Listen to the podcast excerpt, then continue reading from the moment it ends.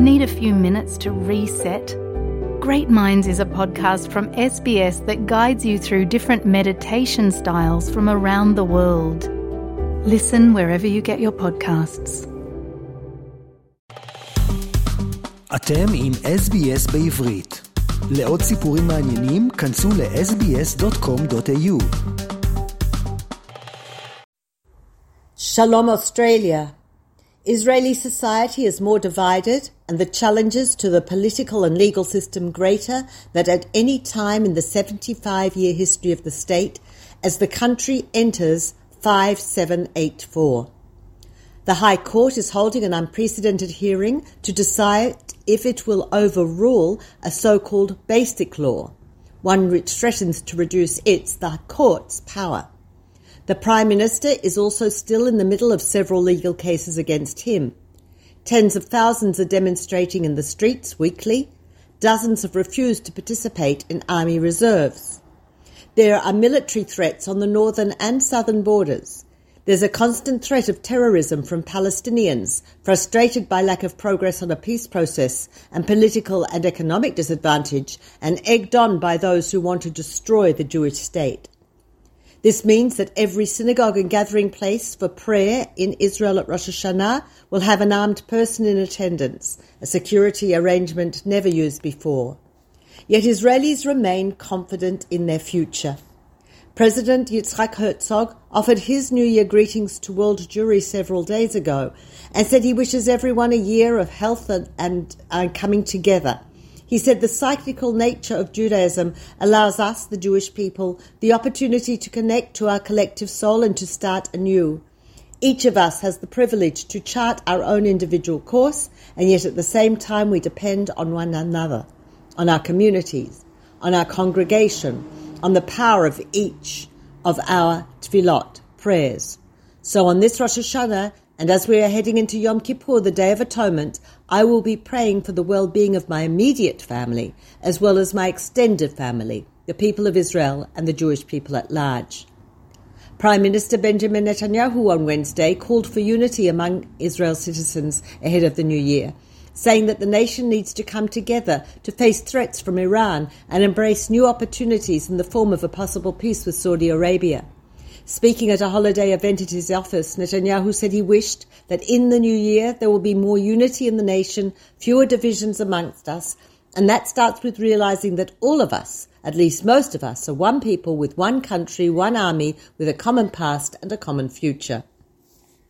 Rosh Hashanah, always close to the Northern Hemisphere's autumn equinox, marks the change of season after the long, hot summer. The spring festival of Pesach is associated with liberation and renewal. Rosh Hashanah comes as the days are getting shorter, leading us to contemplate on the fragility of life and the cycle by which darkness is followed by light, repentance by forgiveness. The period from Rosh Hashanah until the Day of Atonement, Yom Kippur, is often referred to as the 10 days of penitence. However, the period of repentance is really 40 days, beginning from the first of the previous month of Elul. This mirrors the 40 days that Moses spent on Mount Sinai when he went to acquire the Torah, from the first of Elul until the 10th of Tishrei. Yom Kippur is the day on which he smashed the tablets of stone after seeing the children of Israel praying to the golden calf. The Torah recounts that although the Almighty was angry with the idolaters and intended to destroy them in the desert, he relented after Moses' plea on their behalf. Similarly, we are taught our repentance can change our destiny and offers us another chance at life. In this narrative, Rosh Hashanah is diminished in importance. It's the three quarter mark in that whole process. However, the new year has a significance apart from that. We describe it as the day on which the world was born. It is a day to contemplate the miracle of creation and of human existence. It is a day on which to be grateful for all that we have, to take stock in the most positive way of all that we have been given and have acquired. It is a day on which to wish sweetness to those we love and blessings to a wider circle. It's a day on which we think of the entirety of the universe and all humans as divine creations to be revered and loved. In Israel, Rosh Hashanah is a national holiday, widely celebrated by families having special meals together with traditional foods. Honey sales skyrocket in the weeks leading up to the festival.